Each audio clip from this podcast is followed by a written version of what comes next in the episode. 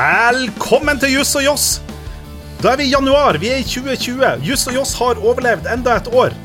Og hvordan føles det med det nye året, Gunnar? Det nye året føles fantastisk. Eh, å ha altfor mye fri, det er djevelens verk.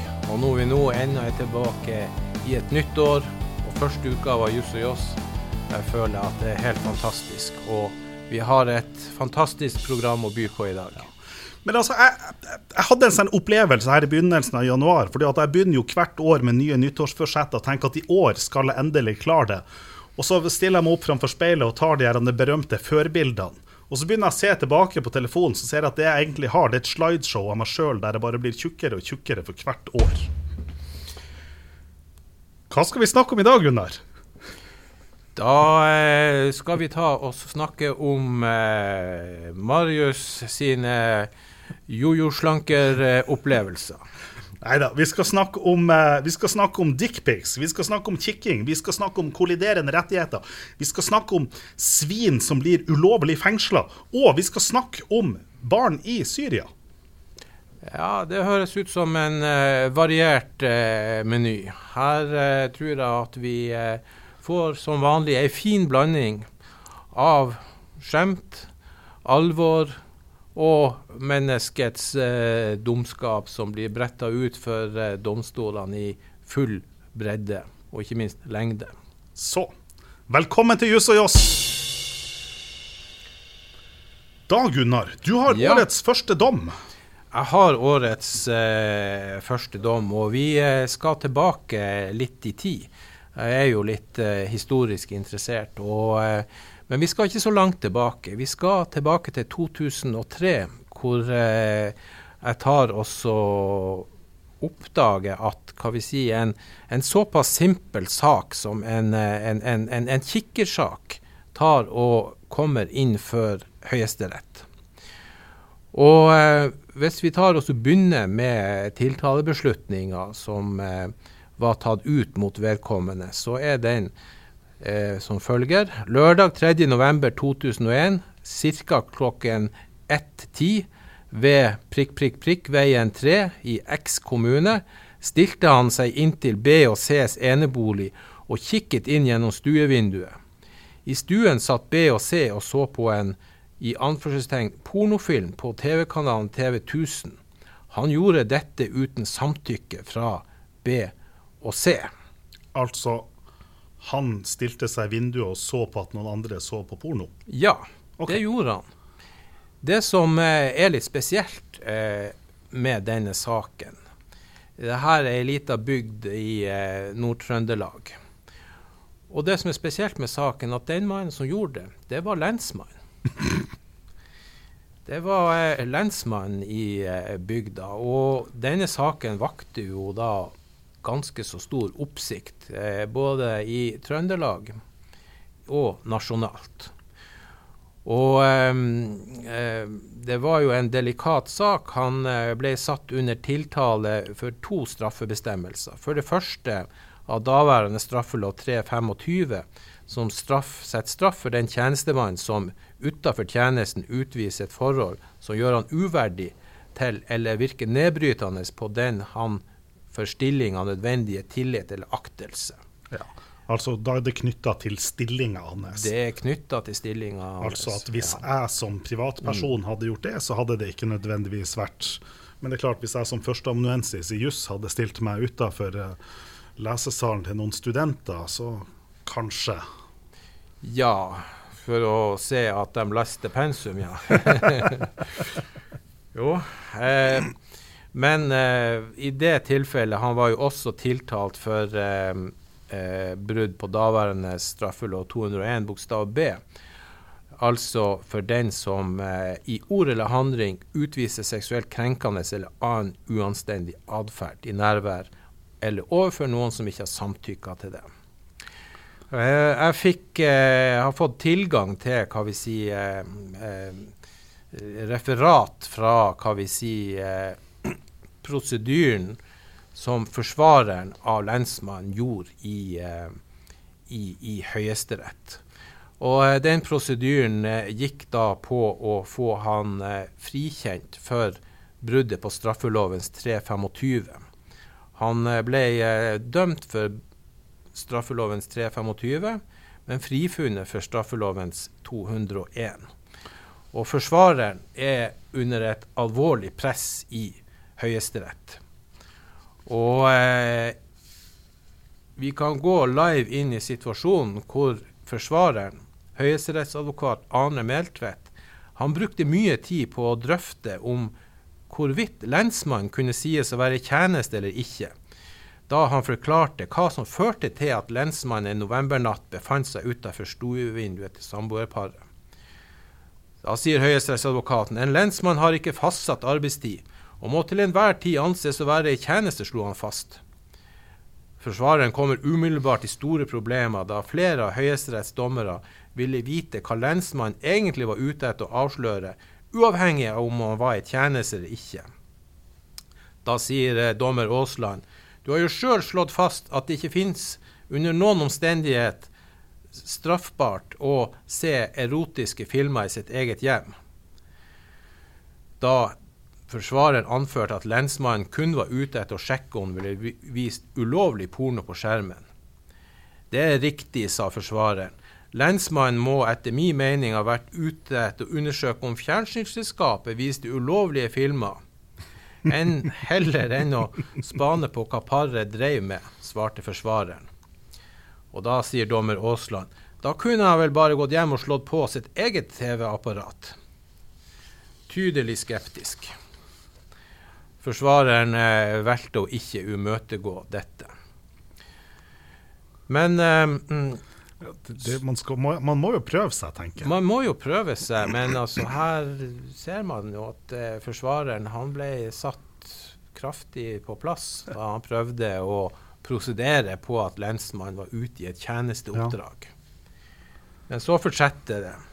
Da sier eh, eh, eh, dommeren eh, at men hvis vi er enige om at det er lovlig å se på porno, har vi da dermed utelukka at lensmannen kunne avsløre ei ulovlig handling fra parets side? Blir vi vel nødvendigvis stående tilbake med spørsmål om hva i all verden gjorde lensmannen på plenen? spurte dommeren. La også til at det var merkelig at lensmannen la på sprang da han skjønte at han var oppdaga, dersom han virkelig mente han var ute på et politioppdrag. Det er betimelige spørsmål. Ja. Og dommeren fortsetter å knuse forsvareren og sier viser ikke dette at han sjøl visste at han gjorde noe som ikke var lovlig, undra dommeren. Og heller ikke dette hadde høyesterettsadvokat Meltvedt noe svar på. Ja, men, men, det er interessant, for det viser på en måte noe om grensa når man er på jobb, og når man ikke er på jobb. Mm.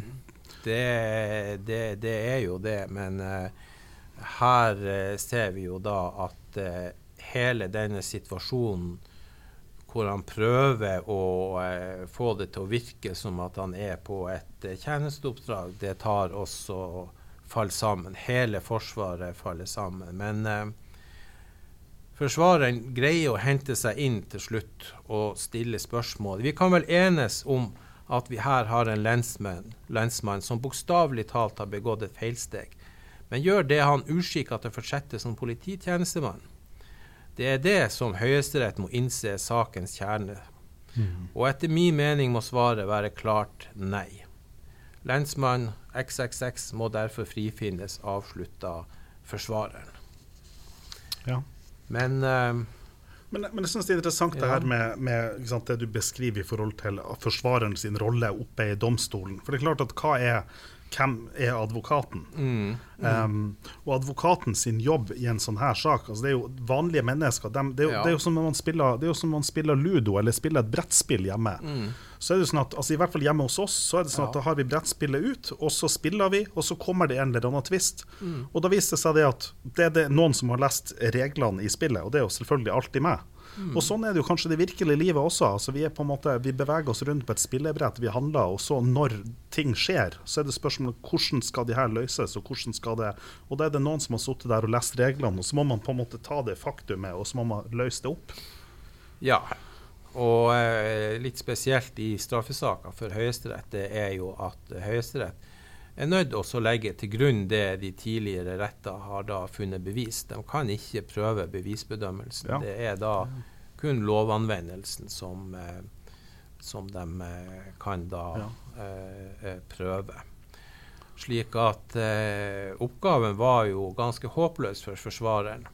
Han eh, måtte bare forholde seg til at han ikke kunne påvirke bevissituasjonen, slik at han måtte prosedere da på at han var i, eh, i, i tjeneste. Men eh, bevisførselen tok jo da også viste, hadde vist klart at han umulig kunne være ute på noe tjenesteoppdrag. Slik at han ble til slutt dømt til bot for eh, brudd på straffelovens eh, paragraf 325. Litt eh, interessant var jo at han til slutt ble frifunnet for å ha utført en seksuelt krenkende handling. Ja, for det er jo et spørsmål hva er handlinga her. Ja, det er det. Og eh, her kommer jo da litt eh, av eh, finjussen inn i, eh, i, i bildet. Og eh, det som eh, flertallets talsmann tar også eh, lander på, det er at det er ikke uanstendig eller seksuelt krenkende i seg sjøl at han tok og så på denne filmen. Og det førte jo da til frifinnelse, men hva vi si eh, eh, mindretallet var ikke da eh, helt enig i det. Mindretallet tok også la til grunn at det lensmannen var interessert i, det var også eh, se parets eventuelle reaksjoner på filmen, hvis du vet hvor jeg vil da. Ja, nemlig. nemlig. Ja, og eh, hvis det var det som var motivet, så ville man være Ja. da i eh, grensen for straffbarhet Ja. av, eh, av, av, eh, av, av dette eh, forholdet. Og mindretallets eh, eh, talsmann, han eh, tok også mente at, at her var vi eh, ta og, og grensa var overskredet, fordi han kunne ikke se annet enn at dette innebar ei invadering av en erotisk ladet situasjon av privat karakter som måtte oppfattes som seksuelt krenkende. Ja, for det er klart, Hvis du da tar dommer Aasland sitt spørsmål, han kunne jo slått på sin egen TV, og det gjorde han Mm. Ja. jo ikke. Så Det, det, det er jo eh, akkurat det, slik at eh, at her hadde jo da ikke, hva vi sier, det kommet noen reaksjon fra paret på filmen. Mm. Men han hadde likevel hva vi sier, overtrådt en grense Mm. med at han hadde posisjonert seg for å få med seg den eventuelle reaksjonen fra paret på filmen. nemlig. Og det var en seksuelt invaderende situasjon som var krenkende. Helt til slutt, Marius, en liten morsomhet i denne dommen. Det, det er jo anonymisering, og paret heter jo B og C. Men i premiss tre så sier Høyesterett at B har senere inngått ekteskap med C og tatt navnet B. Her eh, er vi ikke fullt anonymisert. Eh, fordomsfull som vi er, så må vi regne med at, eh, at, eh, at C da er en kvinne, siden hun har tatt navnet B. Ja, Men det er jo noe som også har endra seg. Det er jo det, det er jo det, men det her var jo tross alt i 2003. Ja, det er sant. Det er sant. Det var jo anna tid. Det var i annen tid. Det var en annen tid. Ja. Det var eh, dagens eh, dom, Arius. Det var dagens dom. Jeg syns det, var en- jeg det var en fin dom. Ja, Det, det, det, reflekterer, altså det, det gir noen tanker rundt hva det er man kan gjøre og posisjonere seg. Både refleksjoner i forhold til hva er det en polititjenestemann gjør, og hva du kan forvente ut Ja. av den. Og, og der vet jeg ikke. Altså jeg, der er jeg litt i tvil på Høyesterett. Fordi at Mm. de sier at, at ja, han kan fortsette jobben sin. Men så tenker jeg at ja, men ønsk, altså, Hvis jeg blir stoppa ut av en politimann når jeg har kjørt for fort, ønsker jeg da at den politimannen skal være den samme som står og kikker inn gjennom vinduet mitt hvis jeg gjør den typen aktiviteter? Ja, det altså, Det er jo noe med tilliten til mm, politiet mm, ja. og, den uhildaheten. Tenker, hvis du sammenligner med, med, helsevesenet, så tenker jeg at hvis det hadde vært en lege, hvordan hadde, man, hvordan hadde det stilt seg? Hadde det stilt seg på samme posisjon? Og så er det også et spørsmål i hvilke etiske standarder kan man stille til offentlige mm. tjenestemenn når de er i det private? Det, det, er jo, eh, det, er jo, akkurat det også. Her er det jo hva vi sier, et kaleidoskop av, mm. eh, av tilfeller. La oss tenke oss at en, eh, en minister blir oppdaga i, i, blotting på, rundt Akershus festning og sånt. Er det mulig å fortsette som minister etter det? Ja, det, det kan vel knapt sies. Altså, det er jo varierende hvor mye tillit man har av, i, er avhengig av i offentligheten og sånt. Jeg leste, jeg leste, en, jeg leste en, artikkel om, som, som, dreide seg om, om helsepersonell altså hva som skal til for at helsepersonell skal bli fratatt eh, autorisasjon ved seksuelle handlinger. Mm. Og nå er det jo ikke noen av de eksemplene fra helsepersonellnemnda som tilsvarer det, det, det eksempelet her. Men, men, jeg tviler på at helsepersonellnemnda ville ha sluppet det igjennom. Altså jeg, mm. Min magefølelse er tydelig på at hadde det vært et helsepersonell, ville blitt fratatt autorisasjon. Og så er det spørsmål er det da min magefølelse som, som, er feil, og det kan godt tenkes, eller er det sånn at det er ulike standarder i forhold til politi og helsepersonell på det her? Og Det er jo også et spørsmål hvem er det som bedømmer det. Fordi at Her er det Høyesterett som bedømmer det i forhold til politiet, men så vil det være helsepersonellnemnda som en annen type organ med en, med en lavere kompetanse som vil bedømme det i forhold til helsepersonell det, det, der er jo er, er, er veldig interessant, for at eh, disse spørsmålene de er jo i veldig høy grad moralsk lada. Ja. Mens eh, det skal jo gjøres da, hva vi si, ei, ei, ei rettslig eh, vurdering. Som ikke, hva vi si, eh, skal være basert på følelser, men på korrekt anvendelse av, av loven.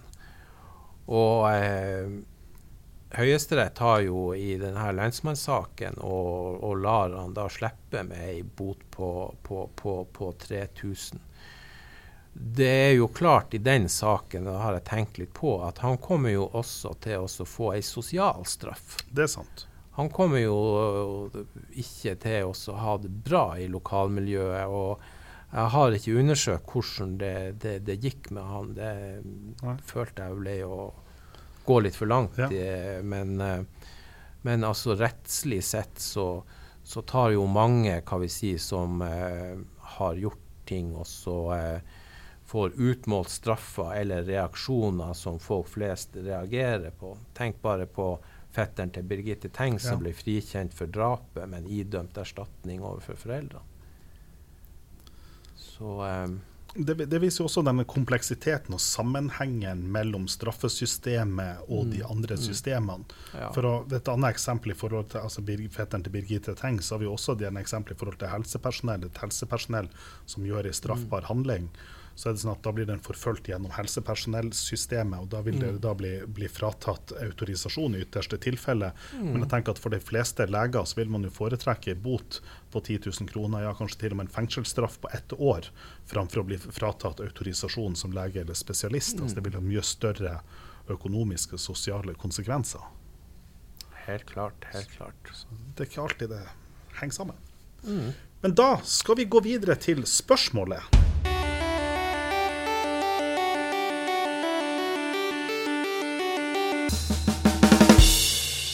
Jo, um, det, det, ting henger jo sammen, og uh, vi er igjen på faktisk uh, samme straffebestemmelse, men nå etter 2005-loven.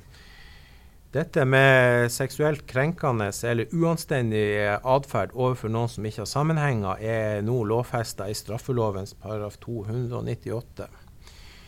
Spørsmålet som har kommet, er følgende. Er det straffbart å sende såkalte dickpics? Ja. Og eh, som eh, jeg har introdusert, så er det helt klart straffbart å rammes av straffelovens paragraf 298. Vi har en dom, Marius, fra rett før jul fra eh, Sørlandet. Kristiansand tingrett. Sørlandet. Sørlandet. Ja, der eh, Der har en eh, 25 år eh, gammel mann Han ble domfelt eh, ikke bare for én gang, men for ved åtte anledninger og sendt bilder av sitt kjønnsorgan, tankestrek, såkalte dickpics, til unge jenter på 16-17 år uten deres samtykke. Han har blitt tiltalt for åtte tilfeller. Hvor mange tilfeller er det som ikke er blitt omfattet av tiltalen? Um, det, det, sier tiltalen ikke det noe om. sier tiltalen ingenting om. Men uh, retten um, la til grunn at uh, straffverdigheten av slike tilfeller er normalt en bøtereaksjon. Men ut fra dette tilfellet så var tiltalte Han hadde gjort dette før. Det var gjentak. Og i tillegg så var det her altså et seriedickpicker, for å si det slik. Eh, gjentatte overtredelser over eh, kort tid. Og eh, i tillegg så, så, er det jo, hva vi sier, nærmest eh, både litt tragisk og, og komisk at eh, eh i bakkant av denne bildesendinga så følger denne karen opp med meldinger. Og eh, jeg holdt på å si, det, det, er vel kanskje nesten eh, meldingen som har fått det til å koke over for noen av de her jentene. Har vi noen eksempler? Jo, vi har ett eksempel. Han eh, kommer med, med, med, med, to kjappe meldinger. Melding én er den liten? spørsmålstegn. Og melding to har du hatt noen større? Høres ut som han har litt behov for bekreftelse. Ja, mange av de meldingene er i, i, i samme sjangeren. Og eh, det gikk som det måtte gå. Det var skjerpende at han hadde gjort det her før. Det var skjerpende at han eh, hadde sendt til så mange. Og eh, retten sier at eh, normalt vil han få bot. Det er ikke aktuelt i dette tilfellet. Her må det reageres med fengselsstraff. Han fikk eh, 60 dagers fengsel, hvorav 30 dager ble gjort betinga som følge av tilståelse. Han tilsto eh, rubb og rake. Slik at 60 dager, 30 dager betinga for ja. å sende disse bildene av sitt kjønnsorgan. Ja. Så, um, Men det er, en, det er, jo en, fornuftig løsning. Jeg tenker, ja. Hvem vil vel ha noen andre sin penis slengt i ansiktet? Det, ja, det, altså. det, det, har jeg full forståelse for at uh, ingen uh, vil ha. Ja. Men, men, så er det jo, men så er det jo problemstilling det her, hvordan det kommer opp, hvordan det her er noe som skjer mer og mer. Og det er klart Når du ja. får en sånn her dom hvor man fastslår det, så mm. er det statuerende. Så det blir et godt eksempel hvor man også kan bruke det i, ovenfor i oppdragelsen av, av, unge mennesker. Ja, absolutt. Og eh, i dommen så ser man eh, rundt etter lignende praksis. Men eh, det her er visstnok den første dommen i Norge hvor du får en så sterk reaksjon og en så stor mm. mengde. Dommen her refererer til en del andre tilfeller hvor det hadde vært eh, sendt noen enkeltstående ja. bilder og i forskjellige ja. medier. Men, men, det minner meg om altså, For i det her, det jeg har prøvd å sagt til ungene mine og til vennekretsene deres, er at er at når, altså når en, altså Den seksuelle lavalder er jo hva det er, ikke 16 år eller 15 år. Det, det er blitt for gammelt ja. til å gå rundt og huske. Mm. Men, men, poenget er at du har en seksuell lavalder, og så har du en, en annen lavalder. Og da er sånn som jeg har forstått det, at når man er under 18 år, mm. så vil nakenbilder eller seksuelt lada bilder det vil da regnes som barneporno rettslig sett. Og Det gjør at hvis da ungene under 18 år driver på og sender nakenbilder, eller har det lagra på telefonen sin, så er det, så er det barneporno med, med, store strafferammer. Det er liksom det jeg har mm. brukt som det pedagogiske argumentet, mm. å si at barneporno, er det det du vil holde på med? Ja, nei, altså det er jo både pedagogisk og, og, og avskrekkende å gjøre om, om det ville blitt pådømt som et eh, slikt tilfelle i en konkret sak, det er jo, er jo, er jo, er jo usikkert. Men eh, her, eh, her tror jeg hva vi sier, at vi får nå en, en korreksjon av en eh, trend. Så til alle dere gutter der ute, så eh, ta Be om og, samtykke. ta og eh, hold bildene for dere eh, sjøl. Takk.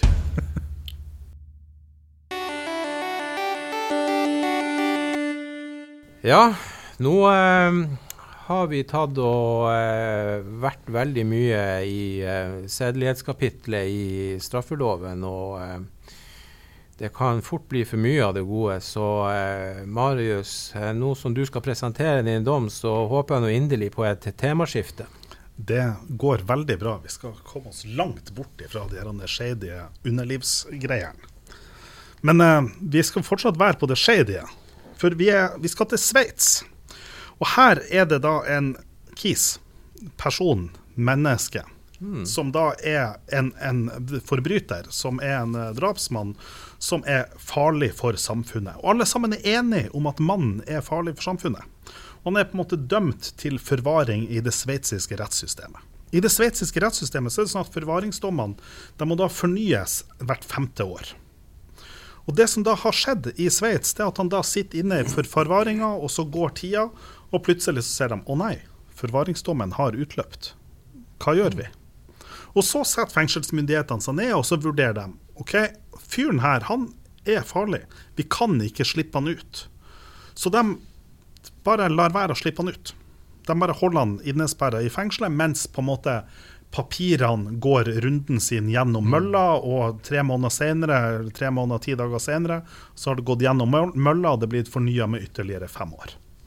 Ja, men eh, ingen kan jo dømmes uten lov og dom. Ja, og det er jo det som da er spørsmålet. fordi at i denne saken, sant, Det viser jo at, at de sveitsiske fengselsmyndighetene, eller sve- sveitsiske myndighetene, de, hadde jo, sant, de hadde en plikt til å ivareta sikkerheten og tryggheten til samfunnet. Og de foretok en materiell vurdering av om vilkårene for forvaring var oppfylt, og den materielle vurderinga var korrekt. Sånn at det er ingen som på en måte angriper vurderinga deres. Og så kan vi jo også se for oss at hvis de hadde sluppet han ut, og han så hadde begått et nytt drap eller nye alvorlige kriminelle handlinger, så ville jo disse sveitsiske myndighetene blitt, blitt tatt for det. Så at de, de er jo på en måte i en umulig situasjon. Absolutt, de er jo det. Men eh, da koker jo det liksom spørsmålet ned til det her at altså, denne fremgangsmåten eh, var jo likevel ikke juridisk riktig. Det er riktig. Og som du sier, eh, hvis det her var en farlig fyr som eh, etter en viss sannsynlighet kunne ha begått alvorlige forbrytelser ved også fått seg en eh, luftetur, Eh, er det riktig av oss å sette oss på den høye juristhesten og ta og eh, si at det her er brudd på menneskerettigheter? Ja, og det er jo det som er interessant her. Fordi at, fordi at Vanligvis vil man jo da kunne si så kunne man si at jo, men dette kunne du ikke vite. Ikke? Hvis man på en måte gjennomfører en frihetsberøvelse, så kunne man si at jo, men her foretok man seg jo en administrativ frihetsberøvelse. Du kunne ikke vite om domstolen kom fram til det samme. Men her vet vi jo fasiten. Vi vet at domstolen i ettertid kom fram til det samme. Og Derfor så kan vi også si at, at den vurderinga som ble gjort, var materielt riktig. Altså at det var en, en riktig vurdering at han fortsatt skulle ha forvaring. Men vi står fortsatt med det grunnleggende problemet. At han har en rett til frihet og sikkerhet etter Den europeiske menneskerettighetskonvensjons artikkel 5. Og det er klart at Den retten krever at det, altså der kreves det at det finnes en dom. Og her fantes det ikke en dom. sånn at de, de prosessuelle reglene var her ikke oppfylt. Så hva gjør vi da når påtalemyndigheten har handla, eller fengselsvesenet har handla forsvarlig, de har handla riktig ut ifra en etisk riktig standard. Vi kan på en måte ikke finne ut at vi kan dømme dem. Vi kan ikke, vi, vi kan ikke anklage påtalemyndigheten eller fengselsmyndighetene. Men samtidig så har hans rettigheter blitt krenka. Ja, altså um, uh, Her er det jo grader av eh, Her er det jo gradsforskjeller. Altså det, det, det er jo én ting å ta oss og ha folk eh, fengsla uten lov og dom i årevis med fabrikkerte beskyldninger og sånt, og det er jo noe som ryster og er, er alvorlig.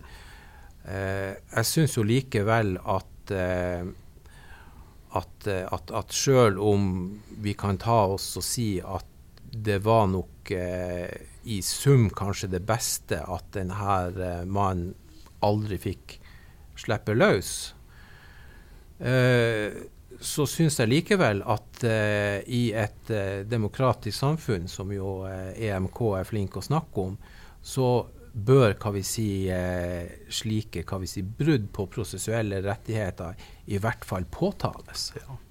Og, jeg, og, jeg, og, og nå skal, skal, jeg komme med vitsen min tilknytta til denne dommen. Mm. Det, at, det at den sveitsiske dommeren i denne saken var verken døv eller blind. Det er den sveitsiske dommeren Helen Keller. Mm. De, de, klarte å finne en fornuftig balanse i denne saken. Ja, de fant eh, sveitserhull i loven. Ja. Nei, det de, altså det de, finner når denne saken kommer opp for Menneskerettighetsdomstolen, så sier man det at det man da gjør, det er det at i stedet man vurderer rettigheter og plikter på, og skal finne avveining mot hverandre, så tar man utgangspunkt i personen, fangen, sin status. Så sier man det OK. Har denne personen blitt, blitt berøva sin frihet, så sier man det at ja, det har han. Så sier man OK, da har han blitt ulovlig frihetsberøva. Og hva er virkningen av det? Jo, virkningen av det er at han har krav på erstatning. Så det mm. domstolen gjør, det er at de lar være å ta stilling til det moralske spørsmålet. De lar være å ta stilling til hvorvidt um, Altså, de, de, lar være å konstatere at det var på en måte materielt riktig. De forholder seg bare mm. til å si ok, denne personen har rettigheter. Er rettighetene blitt krenka? Ja, rettighetene blitt krenka. Ok. Hva er virkningen av det? Jo, virkningen av det er erstatning. Mm. Og Da er vi over på det neste spørsmålet. Hvor stor erstatning får en person som er blitt frihetsberøvet ulovlig i tre måneder og ti dager? Der eh, stiller du et, uh, et, et, et, et Skynd meg, dekke over papirene med fasiten her. Et, eh, et, et, et veldig, eh, veldig, godt ja, for at, spørsmål. For at Hvis vi da tar utgangspunkt i de norske reglene, for da har vi forskrift om, altså vi har forskrift mm. om mm. erstatning ved ulovlig frihetsberøvelse, eller hva det nå heter. Stemmer det. Er det ikke 1500 kroner per dag første, andre, og så er det en lavere sum? Yes, så er det 400.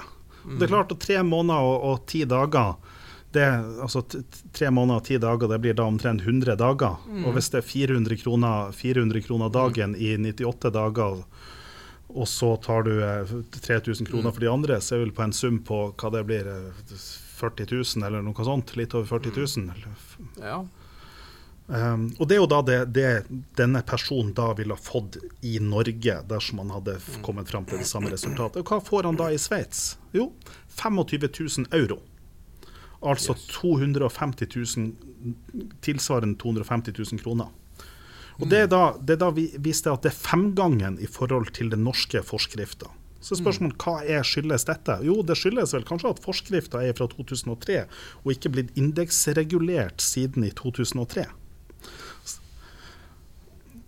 Og så kommer jo da spørsmålet videre. Hvilke andre tilfeller vi kan få en sånn her frihetsberøvelse, og hva er systemet her? Jo, EMD sitt system er jo da tydelig at man har en rettighet, spørsmålet er er rettigheten krenka, og så slår man det fast.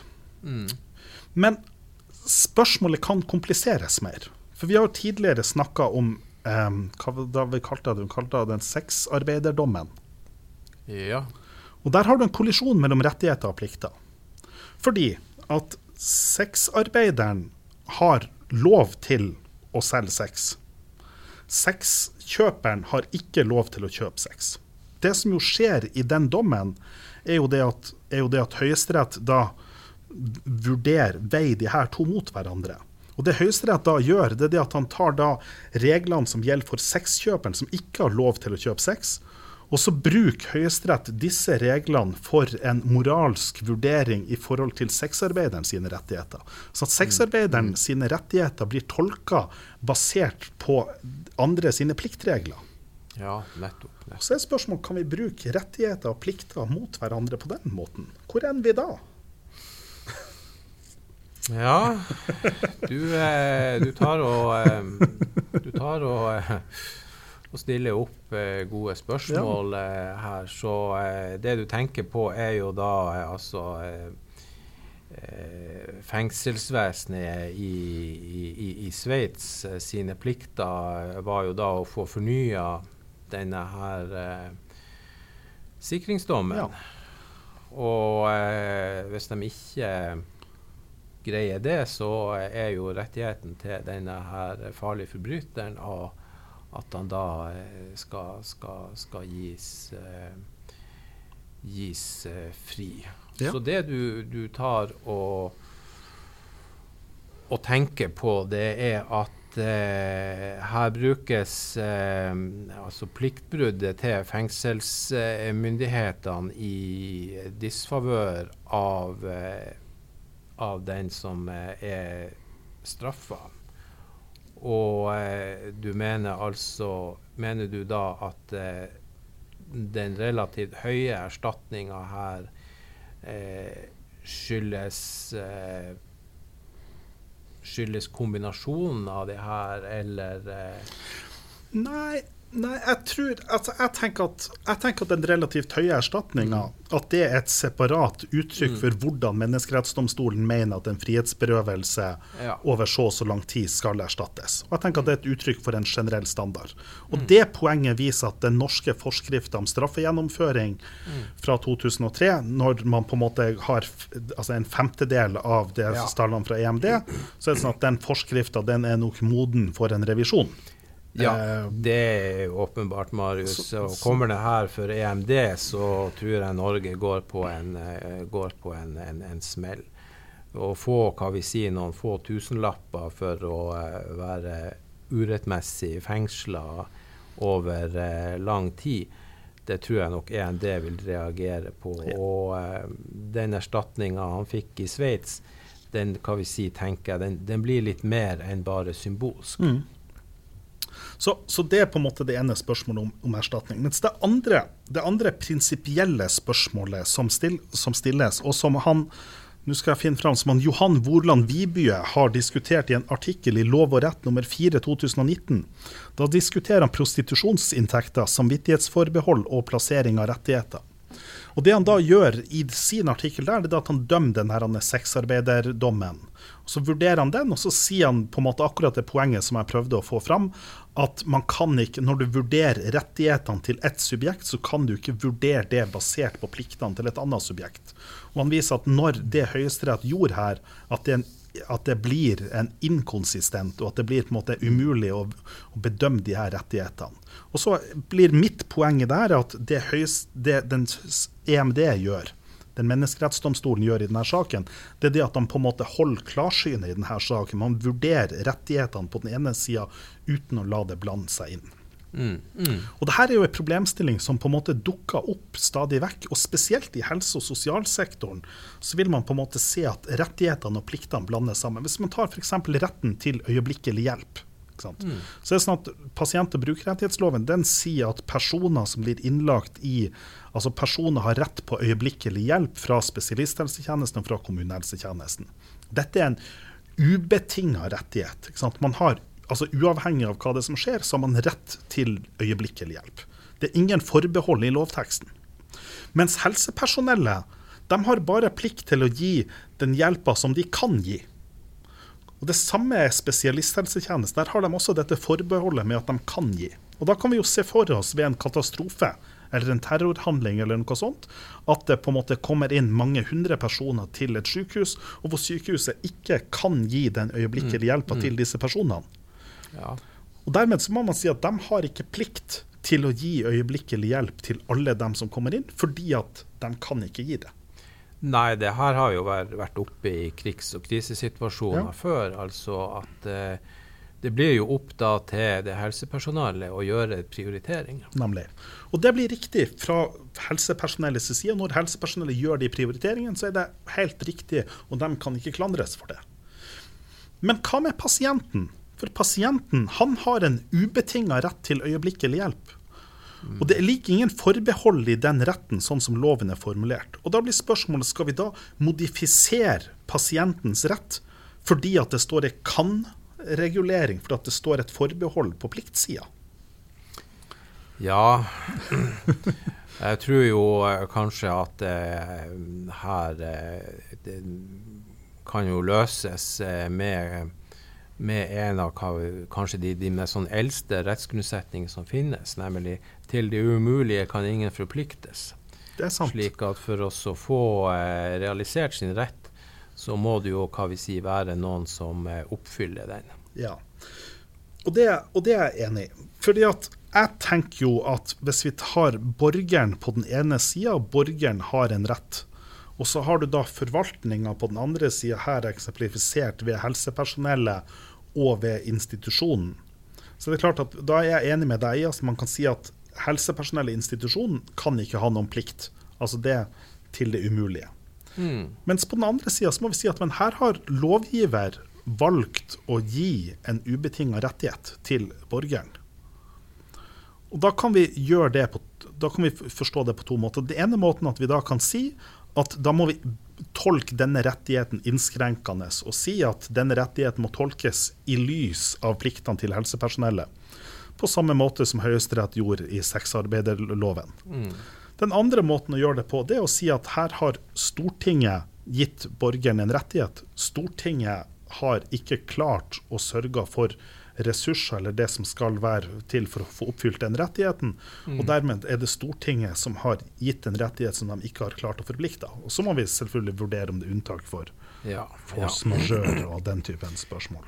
Det, det, er viktige og komplekse, interessante spørsmål. Eh, det sies ofte at eh, man kan ha rett, men ikke bestandig man eh, får rett. og, og eh, i de komplekse som du eh, trekker opp der, så det jo, ligger det jo veldig mye problemer. F.eks. Eh, hvis vi snakker om helsevesenet, så får vi jo til stadighet høre om folk som kan vi si, da er oppgitt av det norske helsevesenet. Som eh, sier at eh, vi har ikke mer å tilby deg enn eh, smertelindrende eh, behandling. Du kommer til å mm. dø. Og så, eh, i denne opplyste tidsalder, så vet vedkommende at i f.eks. et annet, et tredjeland, mm. så finnes det ei alternativ mm. behandling mm. som ikke tilbys i Norge, som faktisk en viss sjanse kan gjøre at du berger livet mm. Og Det er interessant, for da er vi inne på de kjempevanskelige prioriteringene mellom, mellom hvordan man skal gjøre det. Men akkurat de tilfellene, der har, der har lovgiver laga til noen forbehold. sånn at man rettslig sett så kan man si at der har man ikke noen plikt. Men i øyeblikkelig hjelp-situasjonen, mm. der har man et, et, tolkningsspørsmål. Det er klart, men har ikke noen Det finnes selvfølgelig ikke praksis på det. Mm. Så, så, hvordan det er. Men ja. Men jeg holdt på å lese en bok av Lars Aabye Christensen. Ja. 'Byens spor'. I bok to så har de et sånn interessant eh, passasje som jeg tenker at det passer på denne saken, og litt sånn for oss jurister. Fru Melsom tar et skritt nærmere og forandrer plutselig utseende. Hadde ikke mora di reist til Roma med den fysaken, hadde ikke noe av dette skjedd. Jesper prøver å se for seg denne rekka av begivenheter, der det ene fører til det andre, men er ikke i stand til å finne begynnelsen. Det som starta det hele. Og han må enda en gang innse at det ikke finnes begynnelser, bare fortsettelser. Og det er jo det som er jobben vår. Ja. Tenk at Det er ikke alltid vi klarer å finne begynnelsen, men vi må kanskje ta utgangspunkt i hvor er det vi står, og så må vi finne ut hva er fortsettelsen, hva er veien videre. Sånn er det, Marius. Noen ganger går vi oss inn i blindgate, men eh, vi får bare rygge ut igjen og fortsette.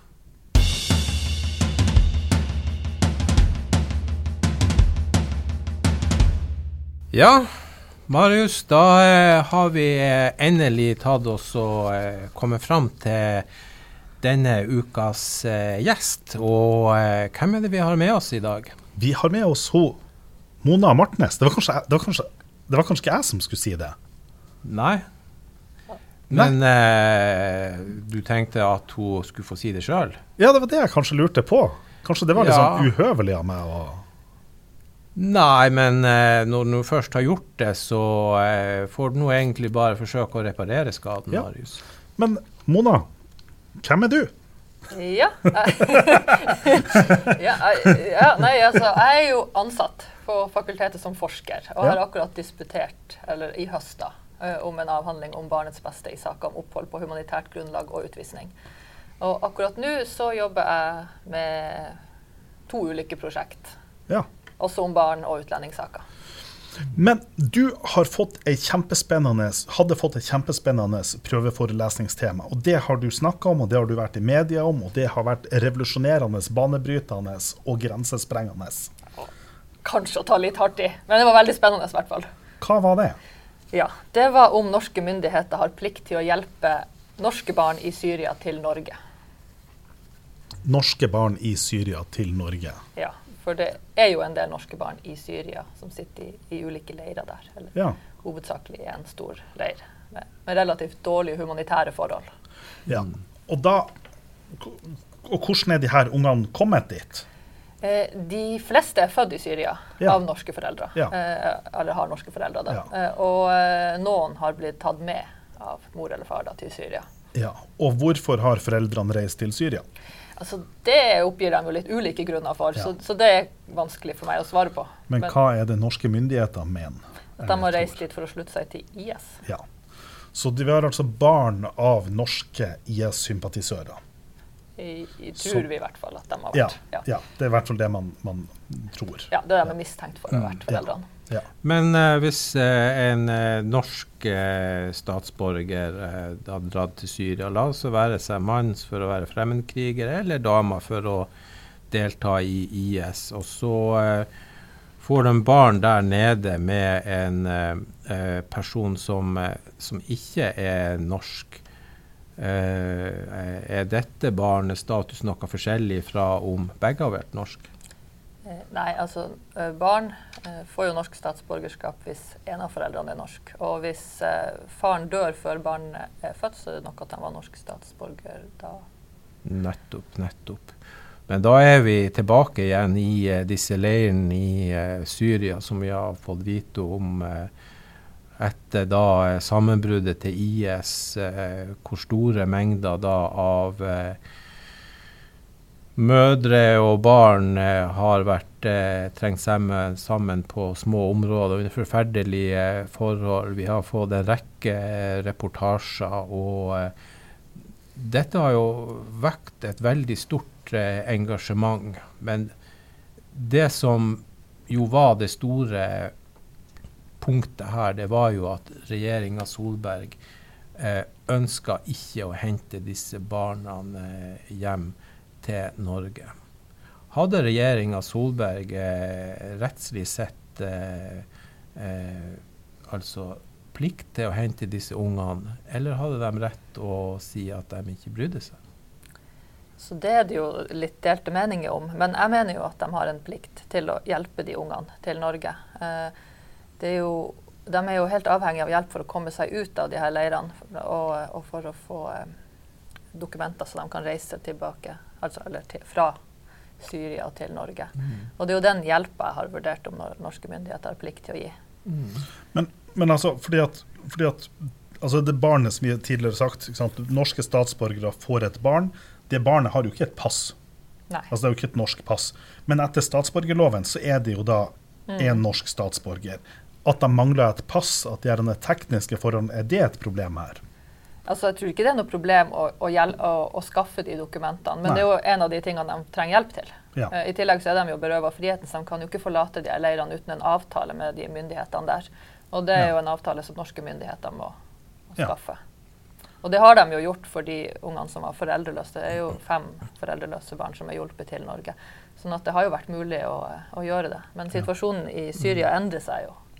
Sånn at vi vet jo ikke hvor lenge og, og hvem som vil ha myndigheter hele tida. Men, men, hva er det, det rettslige altså Du sier at du mener det. Er det en sånn at du setter deg ned på bakrommet ditt, og så, og så føler du, du føler at norske myndigheter har Er det er det, det, som er grunnlaget Nei, altså, jeg bruker ikke å føle så mye på den måten på jobb. Uh, jeg kan føle andre ting, men, men, jeg har ikke følt her. jeg har jo uh, tatt utgangspunkt i rettskildene. Uh, og så har jeg sett på hva spørsmålet er, altså om de har plikt til å hjelpe norske barn til Syria. Og så har jeg sett på utgangspunktet, som da jeg fikk denne prøveforelesninga, var at en sånn hjelp var ønskelig fra de, som har kontroll i området. og, og som altså de ønsker at de statene skal hente hjem sine statsborgere, fordi det vil jo lette deres arbeid mye. Og ja. da, da vil de jo også få unger ut av de dårlige levekårene som er i leirene. Eh, sånn at det er utgangspunktet. Og så har jeg sett på de menneskerettslige forpliktelsene og de ulike jurisdiksjonsbestemmelsene i ja. menneskerettighetene. Og så har jeg funnet ut at ØSK det har ikke noe jurisdiksjon. ØSK, hva er det? Eh, eh, FNs konvensjon om økonomiske, sosiale eh, og kulturelle rettigheter.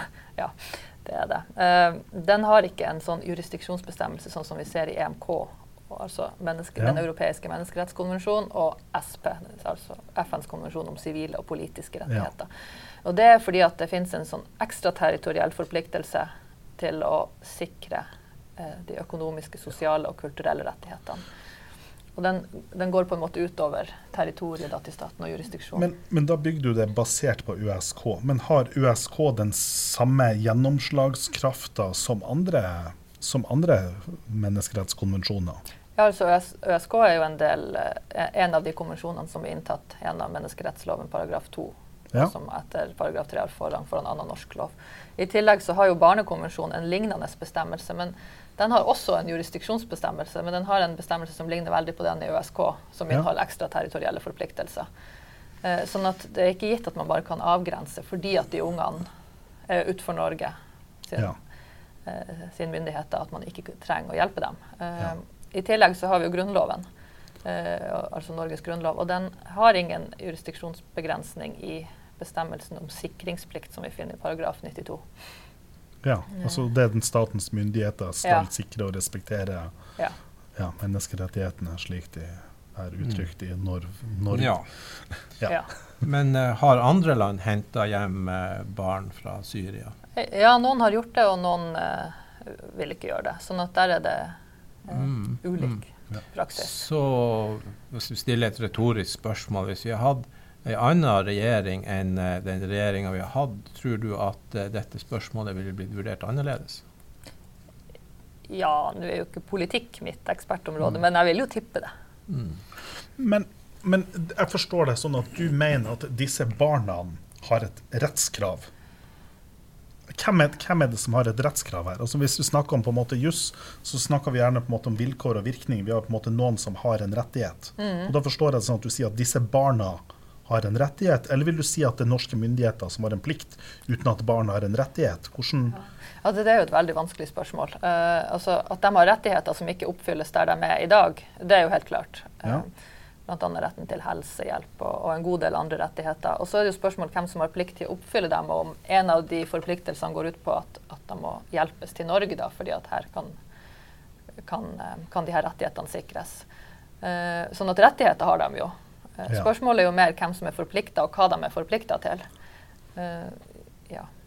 Men hvis, men hvis, dette et, et av disse barna, eller alle disse barna, hadde tatt ut et gruppesøksmål overfor norske domstoler, med et krav mot regjeringa mm. om å iverksette nødvendige tiltak for å få dem hjem?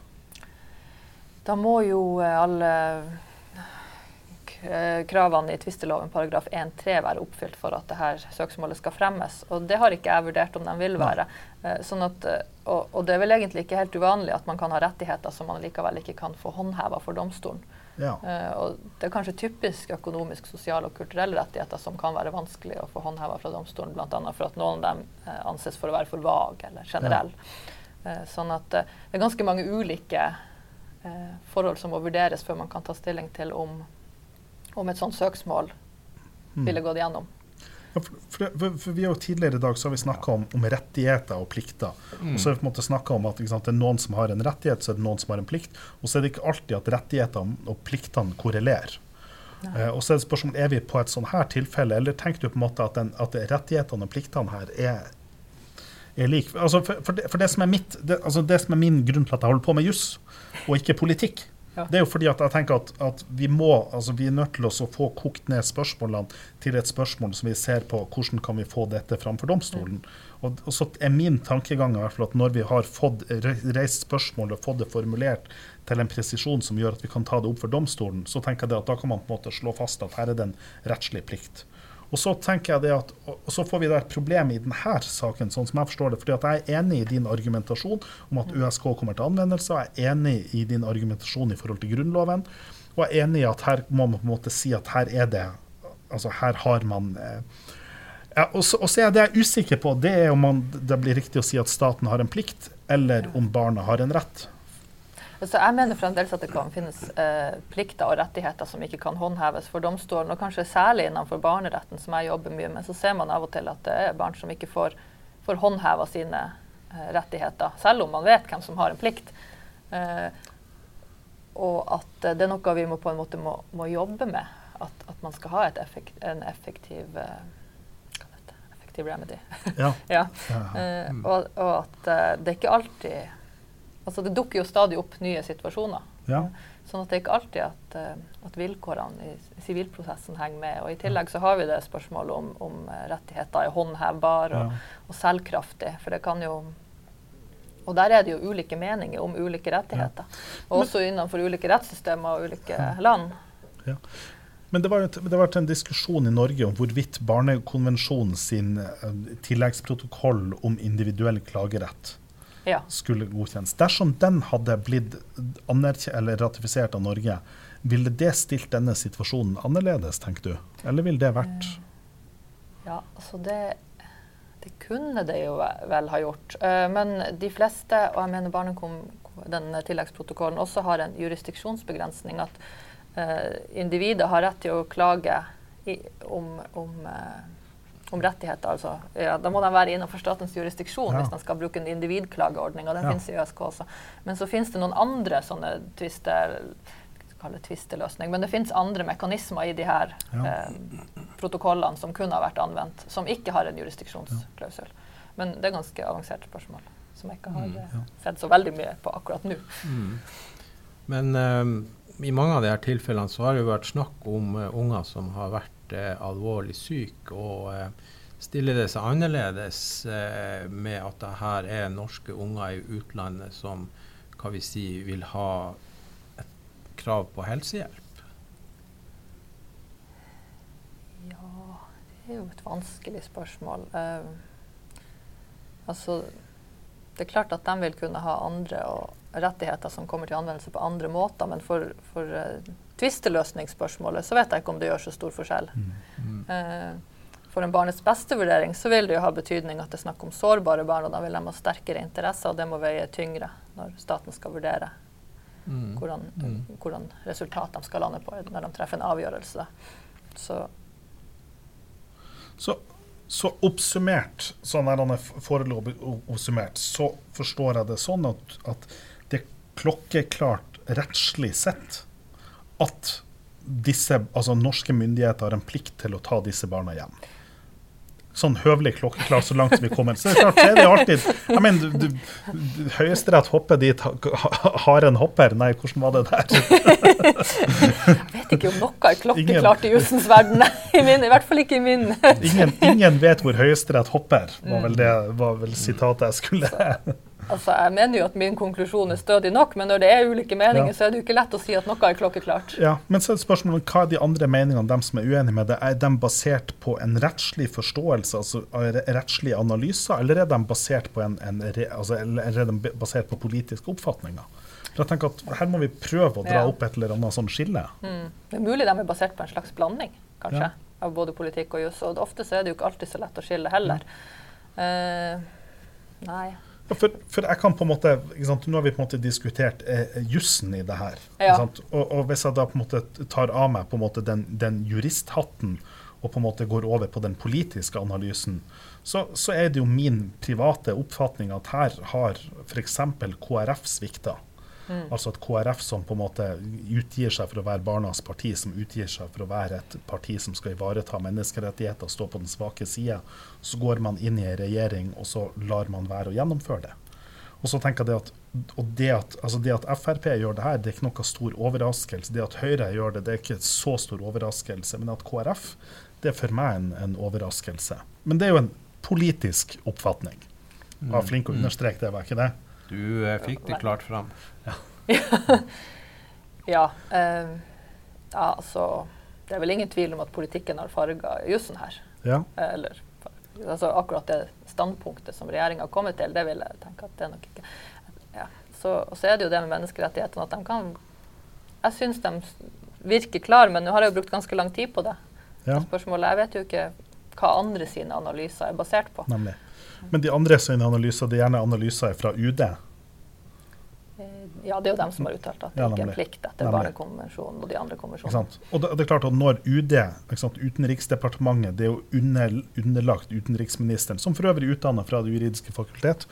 Um, men det er klart at, at de er jo en del av, ut, av, den utøvende makt. De er jo ikke en del av den dømmende makt, de er heller ikke en del av den lovgivende makt. Og Det gjør at, at rent prinsipielt, altså hvis man på en måte tenker metodisk og du tenker statsrettslig prinsipielt, så tenker jeg at den uttalelsen har en, en mindre betydning. Mm. Men samtidig så er det jo sånn at, at innafor spesielt UD er det jo sånn at vi har ikke noen tradisjon for at de spørsmålene kommer opp for domstolene, bortsett fra ut, utvisningssaker. Altså, du har på en måte et segment av de sakene, men ellers er det vanskelig å få opp UD-saker. Ja, Utvisningssaker er vel ikke UD-saker, egentlig. Det hører vel kanskje under Justisdepartementet. Ja, takk for den korreksjonen. Tenker jeg. Da har vi i hvert fall et klart svar på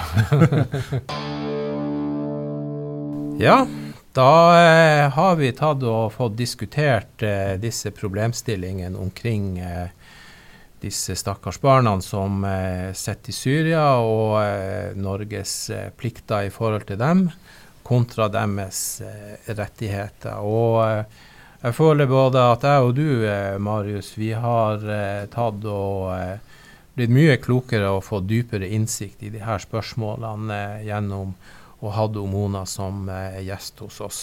Um, likevel Hun heter jo Mona Martnes. og Hvis du bare legger en S til Martnes, ja. blir det jo Smartnes.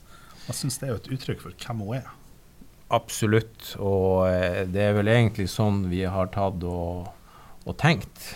Men eh, vi har jo vært nødt til å respektere hva vi sier, folkeregisterets oppføring. Så eh, vi får nok fortsette å Carlo Martnes. Ja, ja, vi får nok det. Men i hvert fall, eh, tida går utrolig fort i eh, godt selskap. Og eh, vi har holdt på eh, i en variert meny i eh, dag, Marius. Det har kanskje blitt vel mye uanstendig og seksuell krenkende oppførsel i begynnelsen eh, med denne her lensmannen som eh, drev eh, pornoetterforskning med kanskje en litt mer skjult hensikt i den lille bygda i Nord-Trøndelag. Gjennom spørsmålet om å sende bilder av sitt kjønnsorgan til personer som ikke har samtykka, er straffbart eller ikke, og i tilfelle hvor straffbart. Og videre så har vi eh, da tatt og trappa opp eh, menyen med om det er riktig å bare holde på farlige personer som man ikke har rett å holde på. Og det her skjedde i Sveits. Og eh, som fru Justitia så mistenkte du dommeren for både å være døv og blind, siden hun heter Helen Keller. Den var kanskje litt på kanten, men eh, det var ingen eh, snakk om noen ekte hull i sveitserosten eller sveitserloven det var snakk om. Det var rett og slett ei eh, krenking av den personens eh, rettighet. Han skulle ha blitt sluppet fri, men han fikk ei klekkelig erstatning for det. Og vi fikk avdekka at den norske forskrifta for uh, urettmessig fengsling sannsynligvis vil gå rett til bunns hvis den kommer i Strasbourg. Men dagens eh, høydepunkt, dagens eh, rettslige diamant, hadde vi med oss i dag. Mona Martnes, som tok og eh, hadde en fin utgreiing av de rettslige spørsmålene som knytter seg til disse ungene som har sittet fast i disse leirene i Syria hos sine mødre, hos sine fedre. Og jeg tror at vi kan slå fast at disse ungene har ikke gjort noen verdens ting galt. Det man lar, man lar moralen, altså man lar, man lar, den moralske fordømmelsen over foreldrene ramme barna. Det er det mm. samme som er gjort med tyskerungene. Det er det samme som man har gjort i alminnelige generasjoner. Og jeg tenker at her burde man klare å se klarere. Dere har hørt på Juss og Joss. Takk for oss.